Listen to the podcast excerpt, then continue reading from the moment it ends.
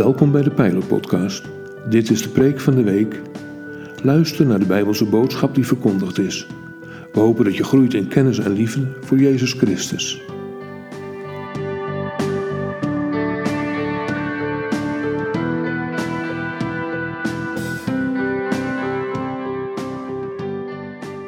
In de Pijler staan we de komende weken stil bij het thema karaktervorming. Je karakter wordt gevormd door je afkomst en door de omgeving waarin je leeft. Opvoeding speelt daarin ook een grote rol. In vier diensten zoomen we in op het leven van de Bijbelse persoon Hiskia, zoon van Agas. Je leest over deze invloedrijke koning in de Bijbelboeken Twee Koningen en Twee Kronieken. Hij liet zich vormen door verschillende personen en omstandigheden. Daarom was zijn karakter uniek, net zoals dat van jou. Laat je deze maand inspireren door de levenswijsheid van Hiskia.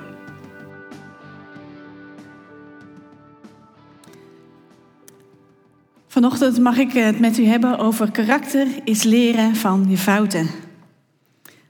Aan, het, uh, aan de hand van het leven van Hiskia, waar we ook de afgelopen weken al met elkaar over hebben gehad. Karakter, wat is dat eigenlijk? Toen ik dat aan mijn kinderen vroeg, toen kreeg ik de reactie: Mam, dat is nou niet iets waar ik elke dag over nadenk. Heeft u er wel eens over nagedacht? Wat is karakter eigenlijk? Is het iets wat is zoals het is, wat nou eenmaal vaststaat? Of is het ook iets dat kan veranderen? Of misschien een beetje van beide? Is het terecht als we gedrag van een collega wegpoetsen, want hij is ook gewoon zo? Of verwachten we van mensen dat ze in één keer de juiste beslissing maken? Of kan het ook zijn dat mensen soms jaren nodig hebben om de juiste eigenschappen op te bouwen om dan het juiste te kunnen doen? Om die moed te hebben of die eerlijkheid om met iets naar voren te komen? Is karakter nu iets wat zo eenmaal zo is, of is het iets dat kan veranderen? Iets waar je misschien wel voor een deel verantwoordelijkheid op kunt nemen daarvoor. Vandaag gaan we kijken naar Hiskia. En we hebben al gezien dat hij een goede man is, van sterk karakter. Hij doet wat recht is in de ogen van de Heer. Hij houdt zich aan Gods geboden. En staat er, de Heer stond hem bij. Hiskia die brak met de slechte gewoontes van zijn vader. Hij verwijderde de offerplaatsen en allerlei sporen van afgoderij. Hij hield vol onder de aanvallen van Assyrië. Hij bleef God om hulp vragen. En God bevrijdde ook het volk van Assyrië. En toen Hiskia ziek werd, dodelijk ziek, bleef hij op God vertrouwen. En God gaf hem nog 15 jaar erbij. En dan komt ons verhaal, het laatste verhaal uit het leven van Hiskia. Laten we samen lezen 2 Koningen 20, vers 12 tot 21. In die tijd stuurde koning Berodach Baladan van Babylonië, de zoon van Baladan, die had vernomen dat Hiskia ziek was, gezanten met brieven en een geschenk naar hem toe. Hiskia nam hun boodschap in ontvangst en liet hen al zijn schatkamers zien. Het zilver, het goud, het reukwerk, de kostbare oliën en ook zijn arsenaal en alles wat zich in zijn magazijnen bevond. Er was niets in zijn paleis of in zijn rijk dat Hiskia hen niet liet zien. De profeet ging naar koning Hiskia toe en vroeg hem: Wat hebben deze mensen tegen u gezegd? Waar komen ze vandaan? Uit een ver land, antwoordde Hiskia, uit Babylonië. Wat hebben ze in uw paleis te zien gekregen? vroeg Jezaja. En Hiskia antwoordde: Ze hebben alles gezien wat zich in mijn paleis bevindt. Er is niets in mijn magazijnen dat ik u niet heb laten zien. Hierop zei Jezaja tegen Hiskia: Luister naar wat de Heer te zeggen heeft. De dag komt dat alles wat zich in uw paleis bevindt, alles wat uw voorouders tot nu toe hebben vergaard, naar Babel zal worden weggesleept. Er blijft niets van over, zegt de Heer. Ook een aantal van uw zonen, het nageslacht dat u hebt verwekt, zal worden weggevoerd om dienst te doen in het paleis van de koning van Babylonië. Hiskia antwoordde, het is goed wat u namens de Heer tegen mij heeft gezegd. Want hij dacht bij zichzelf, dat betekent dat er, zolang ik leef, rust en vrede zal heersen. Verdere bijzonderheden over Hiskia, over de vele overwinningen die hij behaalde en over het waterreservoir dat hij heeft laten aanleggen en de tunnel waardoor het water de stad in werd geleid, zijn opgetekend in de kronieken van de koningen van Juda. Toen hij bij zijn voorouders te rusten ging, volgde zijn zoon Manasse hem op. En dit is het verhaal van Hiskia. Het sluit een beetje raar af, vindt u niet? Het verhaal begint met die genezing van Hiskia, die is heel wonderlijk. En dat is ter oren gekomen van de koning van Babylonië. En die stuurt een paar gezanten naar Hiskia om te kijken van wat is er nou gebeurd. Hiskia ontvangt ze gastvrij, geeft ze een uitgebreide rondleiding. En dan komt de profeet Jezaja ten tonele. En hij luistert en dan begint hij opeens te profeteren dat het rijk ten onder zal gaan. Dat de Babyloniërs komen om het te gaan veroveren en de Joden in ballingschap zullen voeren. In gevangenschap naar een ander land. En dan krijgen we die reactie van Hiskia. Die zegt, ja het is goed wat u heeft gezegd. En dan denkt hij bij zichzelf, maar gelukkig gebeurt het niet tijdens mijn leven. Wat is hier aan de hand? Dit is toch niet in overeenstemming met het karakter van Hiskia dat we tot nu toe hebben gezien? Ik denk het ook niet. Ik denk dat hier gaten in dit verhaal zitten. En als we kijken naar de kronieken en naar Jezaja, waar dit verhaal ook is opgeschreven, dan zien we dat daar informatie staat dat het een beetje kan aanvullen.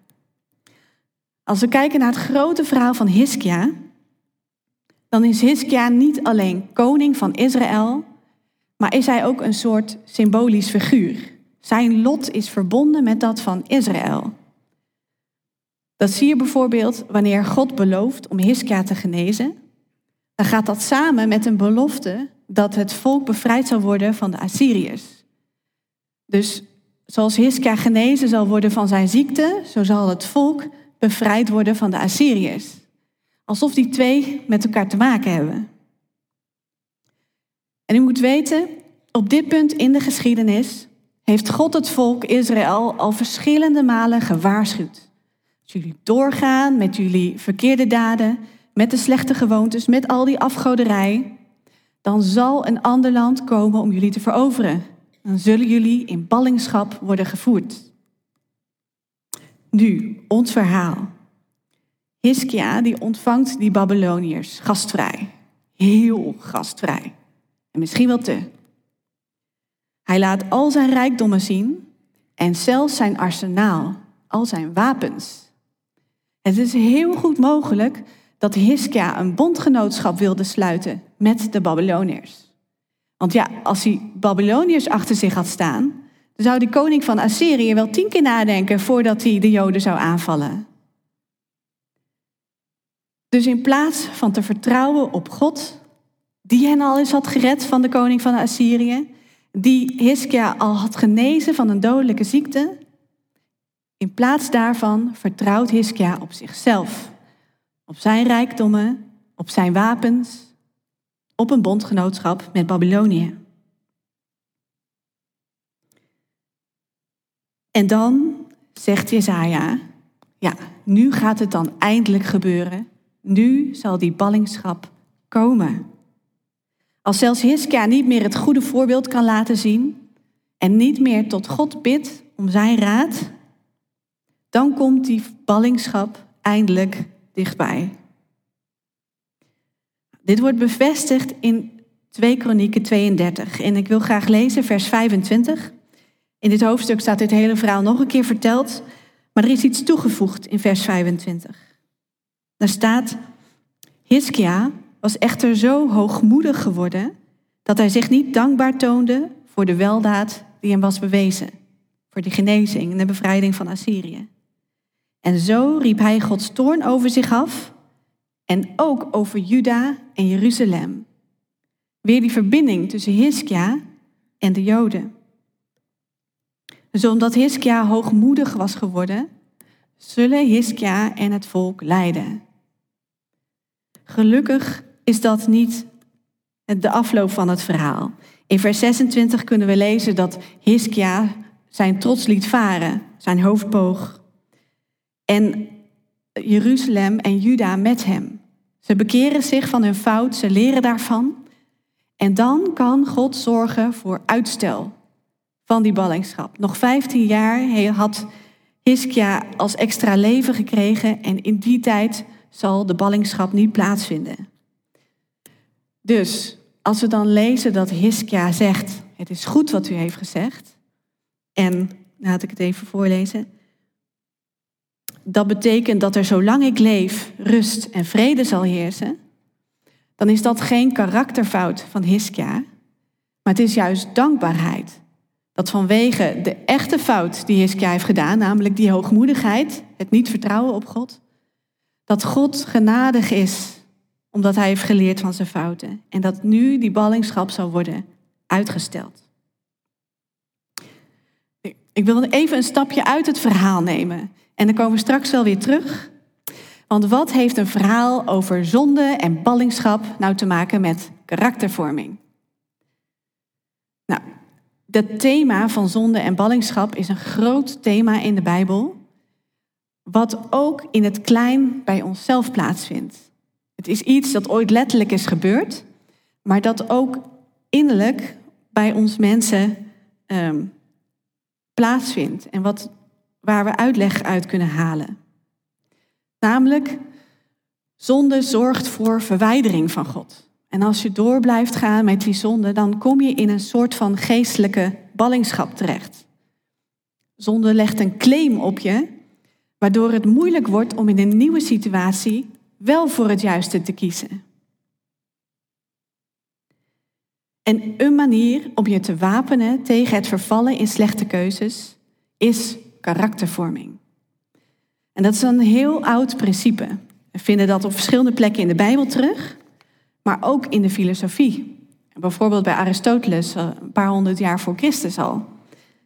En daar zit zoveel in dat theologen doorheen de hele kerkgeschiedenis dat hebben meegenomen in hoe zij uitlegden hoe wij goed kunnen leven als christenen. Hoe God wil dat we leven.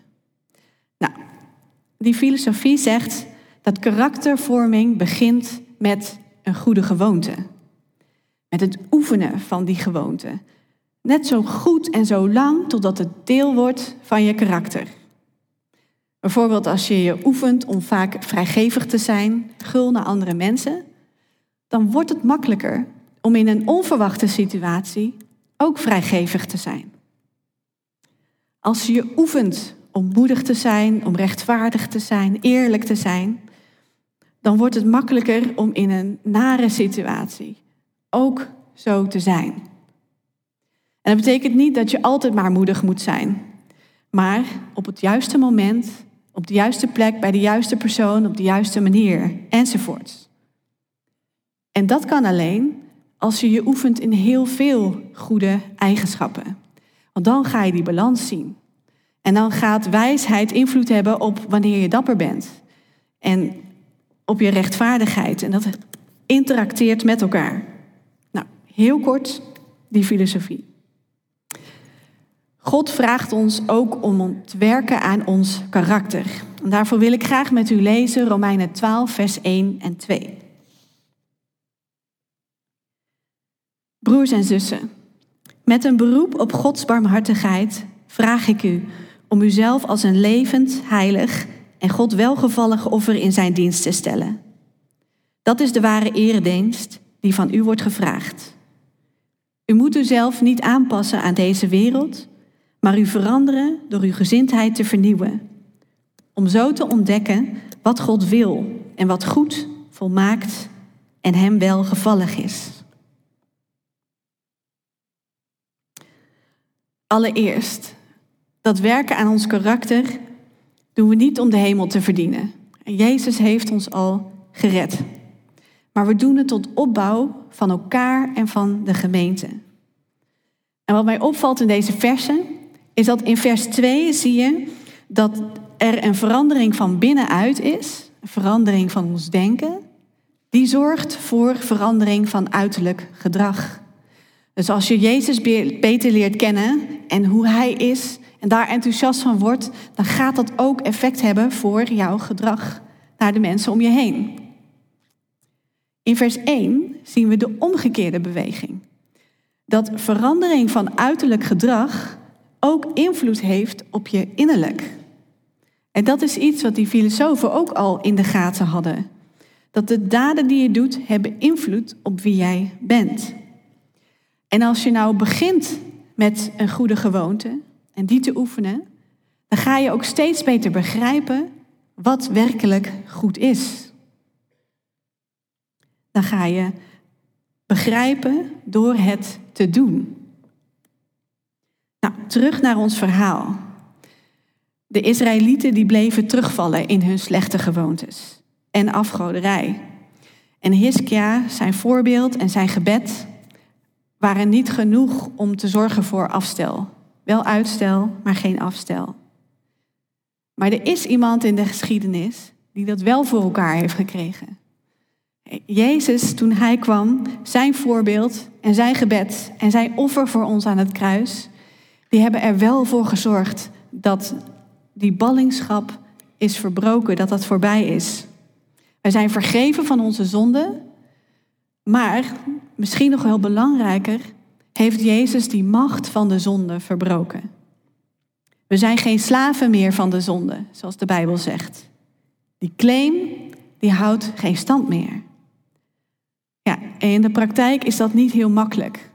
Als je slechte gewoonte hebt opgebouwd, als je ouders je dingen vragen en je bent gewoon om heel brutaal te reageren, dan is het moeilijk om daarmee te stoppen. Als je huwelijk niet goed loopt en je ruziet vaak met elkaar, is het moeilijk om daar een stop in te zetten. En we worden vaak herinnerd aan toen het verkeerd ging. En al die keren dat het verkeerd is gegaan. Maar bij God is elke dag nieuw. Zijn trouw is nieuw iedere morgen. Het verleden hoeft niet herhaald te worden. En een van de dingen waardoor dat nu mogelijk is, is dat door Jezus offer de Heilige Geest is kunnen komen. We lezen, u kent het waarschijnlijk wel, die lijsten in de Bijbel van de vruchten van de Heilige Geest. En ook voor een deel de gaven van de Heilige Geest. Daardoor helpt God ons om die goede gewoontes op te bouwen. En om ze vol te houden. En om ze tot God te richten. En dat betekent niet dat we dat maar gewoon krijgen. Dat als je christen wordt, dat je dan een goed karakter hebt. Of dat je God om een karaktereigenschap kan vragen en voilà, het is daar. Nee, het is meer alsof je een soort gereedschapskist krijgt van de Heilige Geest. Met allemaal tools erin die je kunt gebruiken. Maar ja, je moet zelf leren om met die gereedschappen te werken. Je moet zelf oefenen, zodat je daar steeds beter in wordt. En je leven er steeds mooier uit gaat zien. Ik wil graag afsluiten met een bemoediging en een uitdaging. Hiskia's hoogmoed was niet het einde van het verhaal.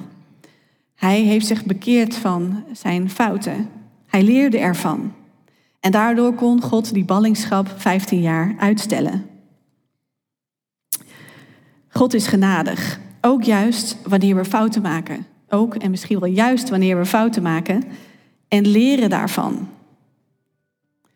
Karaktervorming betekent de ruimte om te leren van onze fouten en te bouwen aan ons karakter. De uitdaging. Ik heb een paar vragen waarvan ik hoop dat u er deze week mee bezig wil gaan. En misschien wel in een KG met elkaar wil bespreken. Namelijk, wie zou u, wie zou jij willen zijn? Wat voor soort persoon? Welke karaktereigenschappen zijn voor jou belangrijk? En hoe kun je die oefenen in je dagelijks leven? Als u hier zo zit, of u zit thuis en u bent verbonden met de pijler of met een andere kerk, met welke eigenschappen kunnen we op dit moment de kerk het beste dienen? God nodigt ons uit om aan ons karakter te werken. Niet om de hemel te verdienen, want die is ons al gegeven, maar om God te eren en de kerk te ondersteunen. En, zoals de filosofen al zeiden, omdat we daarvan gelukkigere mensen worden. Want ja, dan worden we meer zoals God ons bedoeld heeft. Amen.